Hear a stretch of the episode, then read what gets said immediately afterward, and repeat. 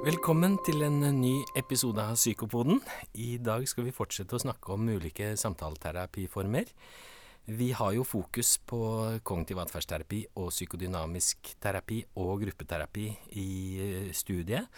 Men vi tenker også at det er viktig at man har kjennskap til en del andre ulike terapiformer. I tidligere episoder så har vi snakket om mentaliseringsbasert terapi og ISTDP, altså intensiv korttids psykodynamisk terapi. Og i dag skal vi snakke om en annen av disse tre bokstavene, nemlig dialektisk atferdsterapi, DBT. Og i den forbindelse så har jeg fått med meg en virkelig ekspert, en som har doktorgrad på det, og som har forsket og forsker på det, nemlig førsteamanuensis Anita Tørmoen. Velkommen. Takk for det. Hvis vi Dette er jo tre bokstaver igjen. Vi er flinke til å ha tre bokstaver i disse terapiformene. Ja, det, du sa jo selv hva de sto for. Ja. Eh, og DBT er jo en eh, variant av kognitiv atferdsterapi, som du også nevnte i stad. Ja. Som er litt spesielt tilpasset litt mer komplekse Ja. problemstillinger. Ja, nå, nå begynner du å fortelle om hva det er allerede, så det er kjempeflott. Eh, kan ikke du fortelle litt sånn, sånn kort om hva DBT, eller dialektisk atferdsterapi, er for noe? Ja, nei, det er jo en uh, samtaleterapi uh, innenfor eh, sjangeren kognitiv atferdsterapi, men med veldig fokus på atferd og følelser. Det kan jeg komme litt tilbake til. Mm. Men det er jo en strukturert uh, samtaleterapiform som har utviklet seg eh, overfor litt spesielle grupper pasienter som har vist seg, i hvert fall tidligere, og vært litt vanskelig å hjelpe. Til og med beskrevet som veldig umulig å få til gode psykoterapiforløp med. Eh, så det er rett og slett laget et spesielt eh, opplegg som har vist seg gjennom mange studier etter hvert å kunne være til nytte for pasienter med komplekse tilstander som f.eks. ustabil personlighetsforstyrrelse. Eh, og de av de som har det, som har mye kronisk sosialitet eller mye selvskading og selvmordsforsøk. Mm. Så den, den ble utviklet med tanke på de pasientgruppene, emosjonelt ustabil personlighetsforstyrrelse, og de med kronisk suicidalitet og selvskading. Stemmer. Hva, hva, når, når var det no, noen kom på denne ideen å lage en egen eh, metode for denne gruppen?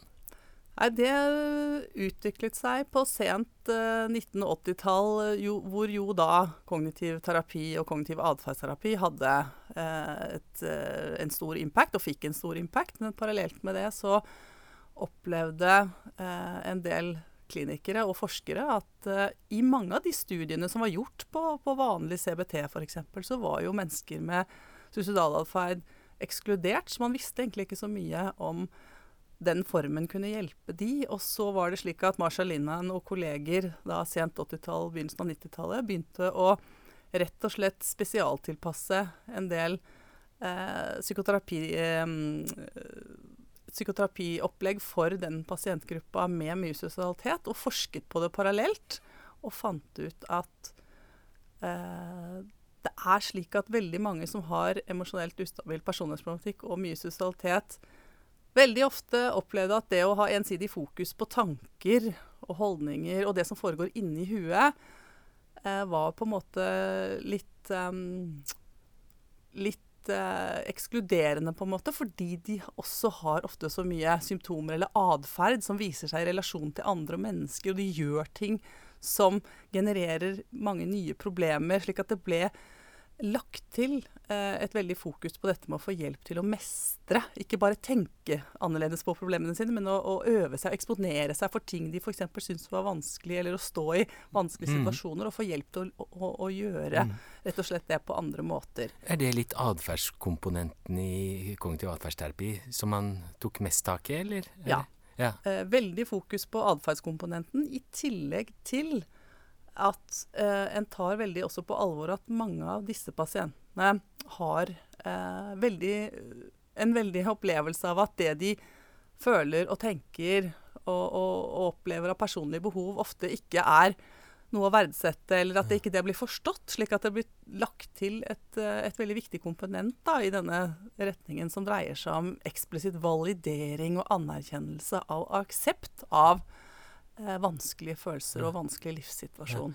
Hva er den aksept, validering av eh, følelsene til disse pasientene, eller? Ja, både, altså Det har jo flere dimensjoner, men validering i DBT, som jo er på en måte litt øh, den motsatsen til det, det veldig fokuset på endring, som vi snakket litt om i forhold til å endre, øh, endre måter å håndtere sine problemer på, så er det vel så viktig å både bli møtt av en terapeut som kan anerkjenne og prøve å øh, gyldiggjøre det pasienten opplever og står i, øh, og ikke altfor lett komme til den konklusjonen at her er det så mye som er vanskelig, så jeg må hjelpe deg å endre deg, for da får du ikke det helt til. Linehan har jo bl.a. brukt en metafor på dette som at man skal hjelpe en pasient med ustabil personlighetsproblematikk som har mye sosialitet, så er det som å reise et telt i storm. mm. Og da er det ekstremt viktig at underlaget eh, liksom at vi er noenlunde enige om at underlaget er greit nok å, Ja. å reise dette på. Og der kommer validering og anerkjennelse av både pasientens følelse, men også den situasjonen som har ført de eh, der hvor de er, eh, til og ikke minst at terapeuten eh, legger opp til en slags sånn samarbeidsform, Mm. mer enn en som kommer og forteller en annen at du må forandre deg. For de vet jo veldig ofte godt selv at det er mange ting som, som ikke er som det skal. De har ofte veldig, veldig vanskelig liv. Mm. Vi, vi kommer sikkert tilbake til eh, disse tingene etter hvert. Sånn. Men eh, jeg, jeg husker jeg leste om Marsha Linjen. Hun var også eh, strevde selv i lange perioder når hun utviklet dette, gjorde hun ikke det? Så hun har kommet med en selvbiografi, annet. Stemmer. Eh, Marsha Linnan kom ut med en selvbiografi for noen år siden nå, etter å ha i New York Times noen år før det fortalt offentlig at hun som helt ung tenåring og over i kanskje 1920-årene var eh, innlagt i lange perioder i da det som var eh, sent 60-70-tallets psykiatri i USA. Eh, og hadde noen år av livet sitt hvor hun virkelig slet med selvskading og suicidalitet og eh, en rekke innleggelser og å føle seg eh, rett og slett eh, helt annerledes enn alle andre i familien sin, og brøt mye kontakten med de, Mm. og rett og slett eh, hadde det vanskelig. Dette var ikke noe hun eh, utviklet eller på en måte Hun utviklet i DBT mens hun var innlagt, Nei. men der inne bestemte hun seg for at hun skulle prøve å få seg en utdannelse, slik at hun kunne hjelpe mennesker som hadde det på samme måte, og få de ut av det helvete hun opplevde. Det er Mm. sånn hun beskriver det Mm. selv. da. Og at hun, når hun kom seg ut igjen, tok seg en psykologutdannelse, har ikke fortalt om dette offentlig før nå, altså når hun Mm. nesten skulle gå av med pensjon. Ja, det var Det, jeg tenker det, det er en ganske godt utgangspunkt, tenker jeg. Å ha gjennomlevd det Ja. selv først, kanskje. Det, det Mm. tror jeg nok det har vært Mm, på mange mm. måter for henne. For det gjorde jo at hun ble veldig veldig dedikert Mm. til å utvikle og til å være veldig empirisk i sin holdning. Hun har jo ofte uttalt at DBT er verdt noe så lenge funn og data og pasienter opplever at de får noe endring. Hvis ikke så kaster vi det ut. Ut. Ja. Ikke sant? Ja. Jeg prøver å forbedre det hele tiden. Ja. Men hvis, hvis vi ser på DBT, eh, hvilke elementer er med i DBT, hvis du skulle beskrevet det? Ja, I DBT så er det, i tillegg til det jeg sa med et fokus på å hjelpe pasienter med den endringen som er nødvendig, eh, og den aksepten som ofte det kan innebære å, mm, få det bedre, så er jo det vevet rundt en del eh, modaliteter som vi kaller det, som dreier seg om å få hjelp i første omgang til å være motivert til det endringsarbeidet terapi er Mm. Å holde motivasjonen. Det er ikke noe vi forventer at pasienten bare er eller ikke er, men at eh, det er en integrert del av behandlingen. Så individualterapi er helt essensielt. Og da er hovedfokus å hjelpe pasienten til å liksom holde motivasjonen til å få en skreddersydd tilnærming hvor de selv er med og setter viktige mål for terapien og innhold og setter agenda, på en Mm. måte. Mm. Så Så, så er en litt lik kognitiv atferdsterapi, da, med at du setter mål for terapien, eh, får pasientene til å sette agendaen for hva de skal jobbe mest med og Ja. ha fokus på. Ja. Mm. Det er et veldig viktig utgangspunkt. Eh, samtidig så er det jo også slik at eh, i DBT så er det noe som kanskje skiller det litt fra annen tilnærming, nemlig at eh, i tillegg til dette at pasienten selv setter agenda, så er vi opptatt av å hjelpe til å redusere livstruende atferd tidlig. Fordi Mhm. det kommer så i veien for både pasientens emosjonelle utvikling og eh, mulighet til å motta hjelp og få til endring. Så vi, så vi har et spesifikt og eksplisitt fokus på å redusere livstruende atferd Mm. på agendaen. Mm. Det er et behandlingsfokus som, som vil være til stede. Pasienter som ikke er villige til å se på det i det hele tatt, klarer vi ikke helt å, eh, å hjelpe. Men vi trenger å hjelpe dem til å se at det eh, kanskje står i veien for at de klarer å gjøre de andre tingene de har lyst til i livet. Mm. I denne mm, er det en sånn, jeg, jeg har fått litt sånn inntrykk av at det er en pakke eh, hvor du, individualterapi er én ting, og så inneholder det også noe gruppearbeid, eh, gruppeterapi. Ja. Eh, og det, er en del litt sånn annen eh, ikke, ikke bare individualterapi, men også andre ting. Ja. Kan du si litt om det? Ja, den, eh, andre viktige, eller Det andre viktige elementet i DBT er ferdighetsgruppe. som er noe litt annet enn en tradisjonell gruppeterapi. Selv om Mhm. du kan jo ha gruppeterapeutiske aspekter, så er det eh, slik at vi vet at veldig mange pasienter som strever med det vi snakker om nå, har en svikt i regulering av følelser, og ofte mangler ferdigheter i å regulere følelser. Da er ferdighetsgruppa eh, nettopp bygd opp slik at i ukentlige totimerssesjoner så går pasientene sammen i en gruppe med andre som strever mye av det samme, og lærer seg i tillegg til følelsesreguleringsferdigheter en del andre ferdigheter som er viktige for de for å komme seg til større innsikt og forståelse rundt hva de, hva de trenger, men også handle annerledes og Mm. raskt begynne å gjøre ting annerledes for å få en annen opplevelse av hvem Mm. de er, og, og hvordan de kan uh, håndtere ting som Mm. skjer i livet framover. Er det mange i disse gruppene, eller er det, hvem er Det er vanligvis eh, seks til åtte pasienter. Mm. For ungdom så har vi også med foreldre, så da kan det bli en litt større gruppe. Mm. Men, og kanskje litt færre ungdommer med, Mhm. fordi foreldrene også skal være med. Men med voksne så er det ofte seks til åtte med ungdommer, kanskje fire til sju Ja, ungdommer pluss foreldre. Så det er både en individuell del og en mer sånn eh, eh, en gruppekomponent i DBT. Er det andre ting som Det er, eh, I tillegg til det så er det en veldig viktig eh, bestanddel som, som eh, dreier seg om å jobbe sammen i team. Altså at terapeutene jobber sammen og møtes ukentlig i et konsultasjonsteam for å kunne eh, tilby eh, mest mulig behandling til pasientene. Drøfte pasientene, drøfte vanskelige ting. Dette er, helt, eh, dette er en, en viktig del av terapien, så dette er vi helt åpne med pasienten om fra dag én. At vi også jobber sammen i team. Og de vil jo møte flere i et DBT-konsultasjonsteam, som ofte har kanskje ferdighetsgruppa i perioder, og så har de uh, i tillegg til individualterapeuten sin da uh, sånn sett uh, flere som forsøker å hjelpe dem. Og det fyller jo en veldig viktig funksjon, ikke bare for terapeutene, som da stadig vekk får kollegaveiledning og, og nærmest terapi for terapeutene gjennom støtte, og også push for å få til endring hvis ikke det går så bra. Men det virker også, antar vi, direkte inn på pasientene, som Mm. jo da får eh, best mulig terapeuter som strekker seg for å, for å hjelpe de best Mm. mulig. mm. Hvis vi går litt tilbake til den individu individuelle terapien de får, altså den topersonspsykologien, klarer du å beskrive en sånn vanlig time der? Mm. Sånn at lytterne kan få en litt sånn begrep om hva det dreier seg om? Ja. Mm.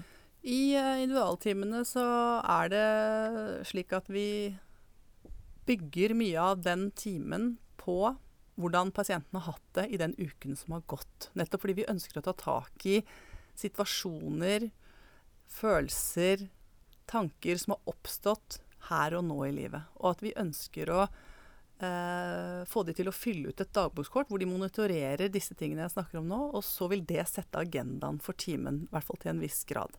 Hva de har fylt ut der. Slik at vi sammen raskt får et overblikk over hva er det du har stått i i løpet av uken som har gått, hva er det som har eh, foregått. Og så vil det være naturlig å velge ut noe av det som er på dagbokskortet, som vi blir enige om at er viktig å ta litt tak i, og gjøre en nærmere analyse av det. Og det er også noe som spesifikt kjennetegner DBT, at man bruker atferdsanalyser, eller kjedeanalyser som vi ofte sier, i timene for å rett og slett nøste og bli veldig konkrete og klare og tydelige på ulike situasjoner der pasienten enten har opplevd å ha det veldig vanskelig, eller hatt veldig sterke følelser, men også der hvor de kanskje har eh, notert på dagbokskortet at de har opplevd noe positivt og noe bra, så kan vi også gjøre analyse av hva var det som gjorde at akkurat dette ble så fint og bra. Mm. Og da er det sånn som jeg startet med å si, at i DBT så er vi veldig opptatt av de underliggende følelsene som veldig ofte driver mye av det pasientene gjør. Også selvmordsatferden eller annen eh, avhengighetsatferd som de kan måtte ha, rus eller spiseproblemer, andre ting som For det er jo sjelden at disse pasientene bare sliter med én ting. De kan ha eh, veldig mange eh, ting å jobbe med. Og da finner vi jo gjennom en sånn veldig eh, eksplisitt tilnærming og leter etter eh, ulike brikker, i ulike ting som har ledet opp til at f.eks. en kutteepisode, hvis det er selvskading vi Mm. strever med, skjedde. Hva skjedde i forkant, hva skjedde etterpå? Ikke minst hva slags følelser var involvert, og Mm. hvordan påvirket det at du gjorde akkurat sånn, følelsene dine? Og hvordan kan du eventuelt få eh, påvirket følelsene dine på en annen måte enn den problematferden som også skaper så store eh, problemer for deg i andre sammenhenger. Mm. Så, så, så, så et ord som ofte dukker opp når jeg leser om DBT, så er det emosjonsregulering og emosjonsdysregulering og sånn. Mm. Eh, Det er det dere jobber med da før og etter de eventuelt kutter seg, f.eks.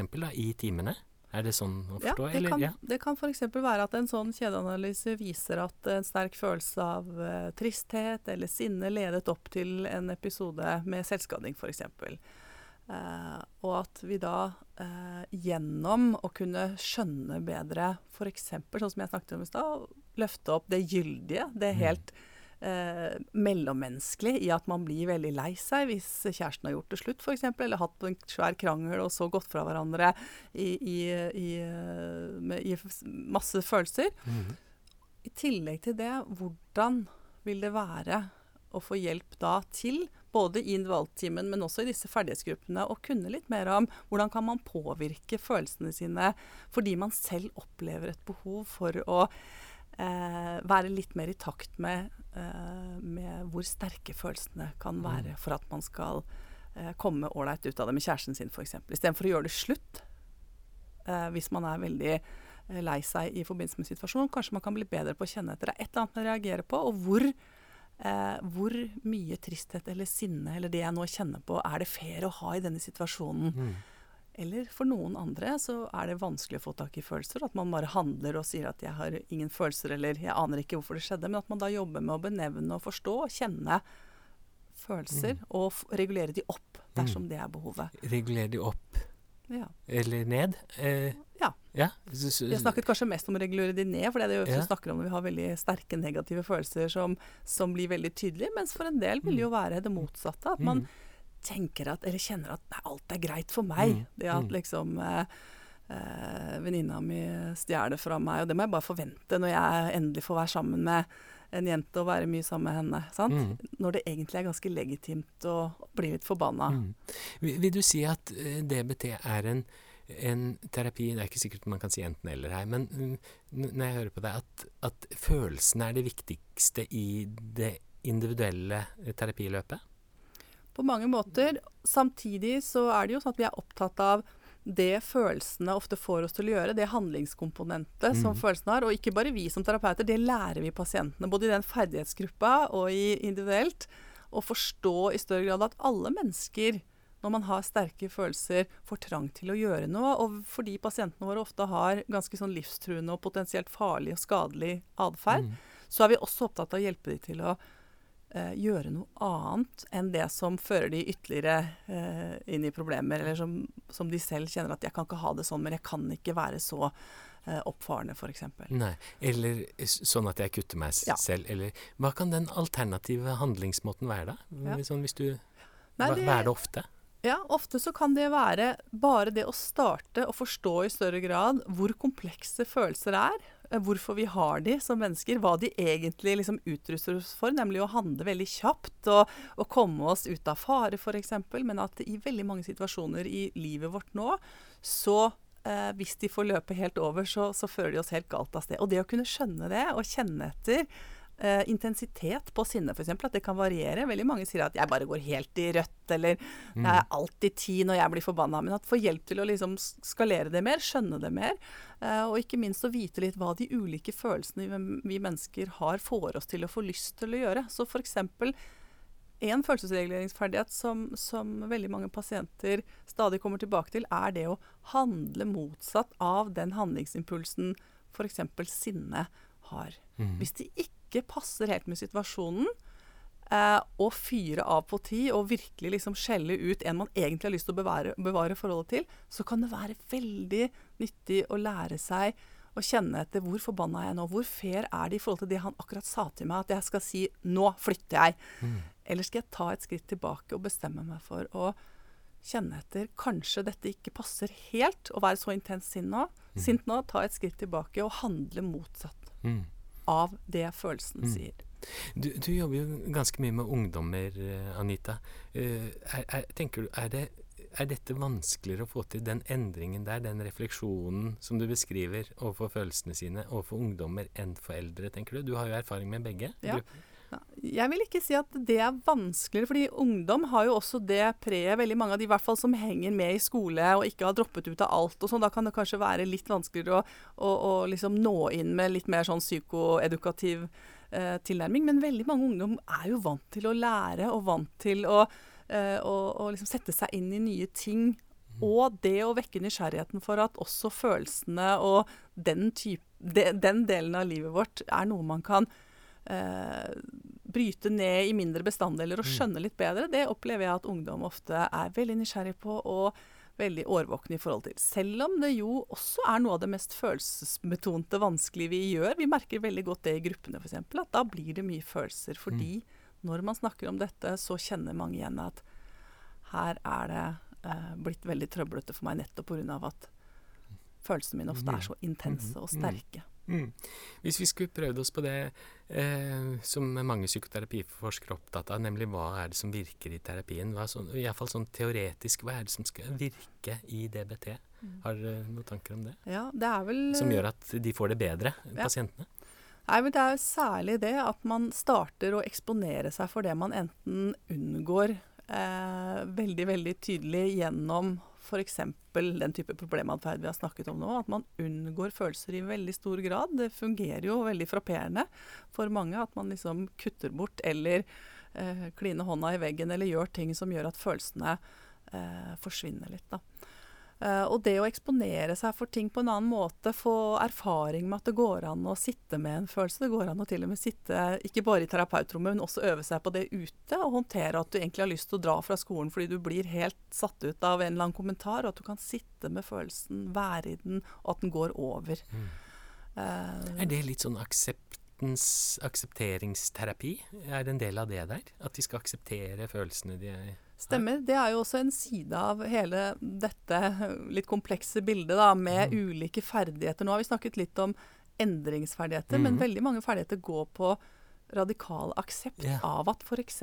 følelser er noe som man eh, ikke bare kan unngå, men at mm. alle mennesker har de, og at eh, det er et element av aksept og det vi kaller mindfulness, eller yeah. øve oppmerksomt eller øve på å være oppmerksom til stede i mm. ulike situasjoner i mm. livet, slik at man skjønner litt bedre hva er det egentlig følelsene prøver å fortelle meg. Hvis mm. de gjør det, passer de med fakta som jeg snakket om i stad. Og det å være uh, Å akseptere at uh, en har eh, f.eks. med seg en hel del negative livshendelser og opplevelser i bagasjen uten å nødvendigvis resignere, selvsagt, eller å si at dette alt er sånn som det skal være. Dette, dette er liksom skjedd av en grunn. Det er ikke det vi snakker om, men å akseptere i større grad at mm. det er mm. enkelte ting man ikke får ugjort, mm. og så prøve å få det til å få minst mulig impact mm. på livet senere, slik at mm. man kan jobbe seg gjennom mm.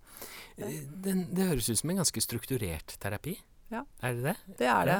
Er... Eh, hvordan er det sånn med behandlingslengden, da? Er, går den uh, helt til man uendelig, eller er den sånn ti timer eller 20 timer, eller hva, har, har, du noen tanker om det? Ja, den er jo strukturert både sånn innholdsmessig som vi snakket om nå. Mange kanskje som ikke har drevet psykoterapi, ser for seg at man bare snakker i en time og kommer på et kontor og mm. gjør det. Jeg har prøvd å forklare litt av strukturen. Eh, og innholdsmessig, vi starter også med å orientere om at i hovedsak så forventer vi at du forplikter deg til å gå i behandling for, for voksne da, i et år, i hvert fall. Da har man gått gjennom de fleste ferdighetene som, som er manualisert i DBT, og man har fått forhåpentligvis eh, skreddersydd og jobbet med motivasjon individuelt gjennom et år. For ungdom, for å få de med og til å jobbe aktivt i terapi, så har vi laget en tilpassa forkorta versjon som varer omtrent fire til seks måneder. Mm. Hva er grunnen til at den er kortere der? Er det Nei, det er jo det at uh, veldig mange av oss har erfaring med at når du er, uh, og kanskje husker tilbake sjøl òg, når du er 14-15 år, så virker det veldig lenge å Ja. skulle forplikte seg til et helt år. Men det å liksom komme inn, få foten i døra og, uh, og få de med på at det å i hvert fall jobbe intenst nå i noen måneder Mm. sammen, da skal vi få prøve å røske opp en del ting av de tingene som du selv opplever at du trenger hjelp med, og som du Mm. har behov for at vi, at vi jobber med. Og så får vi se etter Mm. det hvordan du opplever Mm. Er det ukentlige terapitimer, eller flere er ganger i uka? Det er ukentlige 60 minutters terapitimer Ja. for de aller fleste, Mhm. pluss da disse faktisk to timene i ferdighetsgruppe. Så Mm. det er jo da at pasienten må møte to ganger i uka. Mm. Gjerne til ulike dager, for det er jo slitsomt Mm. å jobbe med endring. Mm. Du har nevnt emosjonelt ustabil personlighetslidelser og kronisk suicidalitet mm. og suicidalitet. Eh, eh, at metoden ble utviklet litt sånn spesifikt for de problemstillingene der. Mhm. Med dette med emosjonsregulering og, og disse tingene som foregår i timene med ferdighetstrening og alt sammen. Ja, eh, hvordan er kunnskapsstatusen der? Er det, er det Mm. godt dokumentert at det virker på denne gruppen, eller er det Mhm. Hvordan er det? Ja, det er jo det som, eh, som eh, har vært veldig, um, veldig drivende for veldig mange som har utviklet DBT, er jo å ta det litt empiriske standpunktet som Marsha Linden og kolleger gjorde. Eh, nemlig at eh, det vi driver med skal være etterprøvbart, og vi skal kunne sjekke ut eh, både underveis, men også etter behandlingen litt hvordan har dette vært. Har det ført oss noe nærmere målet om et liv som er verdt å leve, som kan være en sånn en, en, en målsetting med å gå i terapi. Eh, så da har det blitt gjort om lag 40 randomiserte, kontrollerte studier på DBT eh, gjennom de årene siden den første studien kom i 93, tror jeg det var, som Linjen publiserte. Um, I tillegg til en rekke andre typer studier, men, men faktisk 40 randomiserte Det er kontrollerte studier. imponerende. Det er ganske mye. Så det er vel en av de tilnærmingene i moderne psykoterapi som i hvert fall har flest eh, studier bak seg som støtter at, eh, at det kan være en god grunn til å drive med dette her Mm. på den måten. Men er det mange DBT-terapeuter i Norge, eller? Vi, I forrige episode så snakket vi litt om den uh, intensiv korttidspsykodynamiske terapien som er kommet. Den er jo mest utbredt i Norge per innbygger, på en måte. Den har fått veldig Ja. Hvor mange DBT-terapeuter er det? Og er det lang utdanning? I Norge så har vi faktisk gjennom, siden vi startet utdanningsprogrammet eh, i 2007-2008, utdanna 500 DBT-terapeuter. Men vi utdanner jo kun terapeuter som skal og har allerede etablert, altså, eller får til å etablere et team av terapeuter, gjerne på enheter eller på tvers av enheter, på tvers av døgnpost og, og poliklinikk, som ønsker å samarbeide om å gi denne polikliniske behandlingen til pasienter som strever med det vi har sagt. Sånn at det er om lag 30 team rundt omkring i Norge, helt fra eh, Kristiansand til eh, Finnmark. Mm, så det er ganske utbredt Det er utbredt. Mm, Vi har mm, jobbet med å implementere det i Norge eh, Mm. og virkelig fått til det. Mm. Men er det sånn at det kun er virksomt og kun er laget for pasienter med emosjonelt ustabil personlighetsforstyrrelse eller kronisk suicidalitet, eller er det ja, De fleste terapiretninger da prøver jo å se om her er det elementer, og så kan de tilpasse den til andre lidelser og andre ting folk strever med. Er det gjort noe forsøk på det Ja. med DBT? Det er det absolutt. Det er, um, det er veldig mye av den evidensen jeg viste til, er for den pasientgruppen som det ble utviklet for. I tillegg så er det kommet en hel del studier som, som uh, ser på det i forhold til både andre populasjoner, sånn som ungdom, som vi jo selv har gjort uh, i Norge. Vi har jo hatt eh, en, en av de få RCT-ene på ungdomspsykoterapi i Norge. Um, I tillegg til um, eldre Mhm. pasienter Mm. som ikke nødvendigvis har emosjonelt ustabil personlighet. Mm. Depresjon. Um, disse andre typiske liksom, følelsesunnvikende eh, problemene som dreier seg om å spise for mye eller for lite, Mm. har det vært utviklet Mm. i forhold til eh, Mm. rusproblemer. Mm. Um, ADHD Mm. har det vært utviklet. Så eh, flere går inn på andre diagnoser også nå? Ja. ja. Nå ble jeg veldig nysgjerrig på den forskningen dere har gjort på ungdom. Ja. Mm. Hva var resultatene der? Kan du Mm. si litt om det? Det er litt Ja. spennende å høre om. Nei, vi eh, gjorde jo en eh, RCT med 77 deltakere, hvor vi har klart å, i tillegg til å se på utfall rett etter behandling, hatt eh, de inne to til tre år etterpå. Og nå ser vi jo de inne ti år etterpå. Vi så med en gang etter behandlingsslutt at eh, DBT hadde en markant bedre effekt på reduksjon av selvskading, mindre subjektiv opplevelse av depresjon og mindre selvmordstanker i forhold til vanlig behandling. Det som holdt seg tre år etterpå, var særlig det forskjellen altså, mellom gruppene var særlig dette med at uh, selvskadingen Ja. var uh, betydelig lavere hos de som hadde gått i DBT. Ja, så, så de som hadde gått i DBT, hadde altså hele tre år etterpå mindre selvskading enn de som hadde fått vanlig behandling? Ja. Det er jo imponerende Ja. resultater, det, da. Ja. Mm. Det er det, så det, og det er flere studier som støtter det, at det ser ut til å også ha en varig effekt. Spesielt på dette, da. Mm. Og når man vet hvor, uh, hvor eh, avhengighetsskapende selvskading og hvor mye det fratar uh, unge mennesker eh, å være på andre arenaer i livet, så er det et viktig eh, et veldig viktig funn, syns jeg. Mhm. Fordi at det er eh, snakk om å regulere følelser på en veldig lite hensiktsmessig måte, som ofte fratar en mulighet til å utvikle seg Mm. -hmm. eh, følelsesmessig også. Mm. -hmm. Vi, nå, vi har jo vært litt inne på det, men jeg har alltid vært sånn opptatt av at alle disse ulike psykoterapeutiske metodene de lager seg jo en teori om ja, jeg kan nesten si hva mennesket er. Mm. Ikke sant? De, de lager jo, vi behandler jo følelser og tanker og atferd og relasjoner og alt sammen. Eh, og så lager man seg en teori om hvordan eh, eh, symptomene oppstår, og hva som vedlikeholder dem, og hvordan man kan bli kvitt de, på en Mm. måte. Det har alle, alle disse ulike psykoterapiene Mm. tatt opp. Du har vært litt inne på men kan du prøve å samle det, på en Mm. måte? Ja, det er jo eh, en modell som vi gjerne deler med pasienten, og som vi sjekker ut om de kjenner seg igjen i eller ikke. Og gjerne også med pårørende eller foreldre hvis de er der. Da. Det er jo sånn at uh, Linehan og andre har beskrevet, og det er gjort en del studier også på det, at veldig mange um, har en litt sånn medfødt eller tidlig uh, erkjent sensitivitet uh, og labilitet i forhold til følelser. Så det er liksom den biologiske Man kaller ofte en biososial modell for utvikling av eh, den type problematikk. Den biologiske medfødte eller tidlig, eh, tidlig erverva, da, for å si det sånn. eh, sensitiviteten.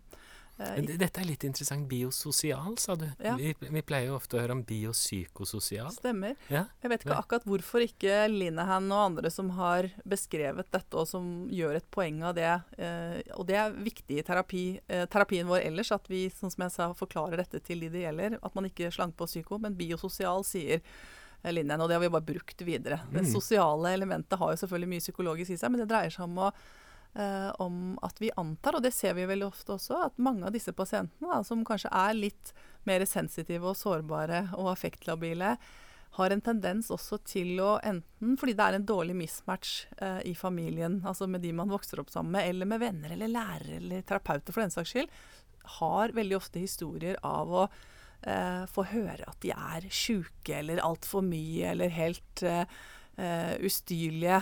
Veldig mye av det som Linjan kaller invalidering av personlige følelsesmessige responser, i tillegg til mer objektive, altså grove, krenkende eh, opplevelser, sånn som f.eks.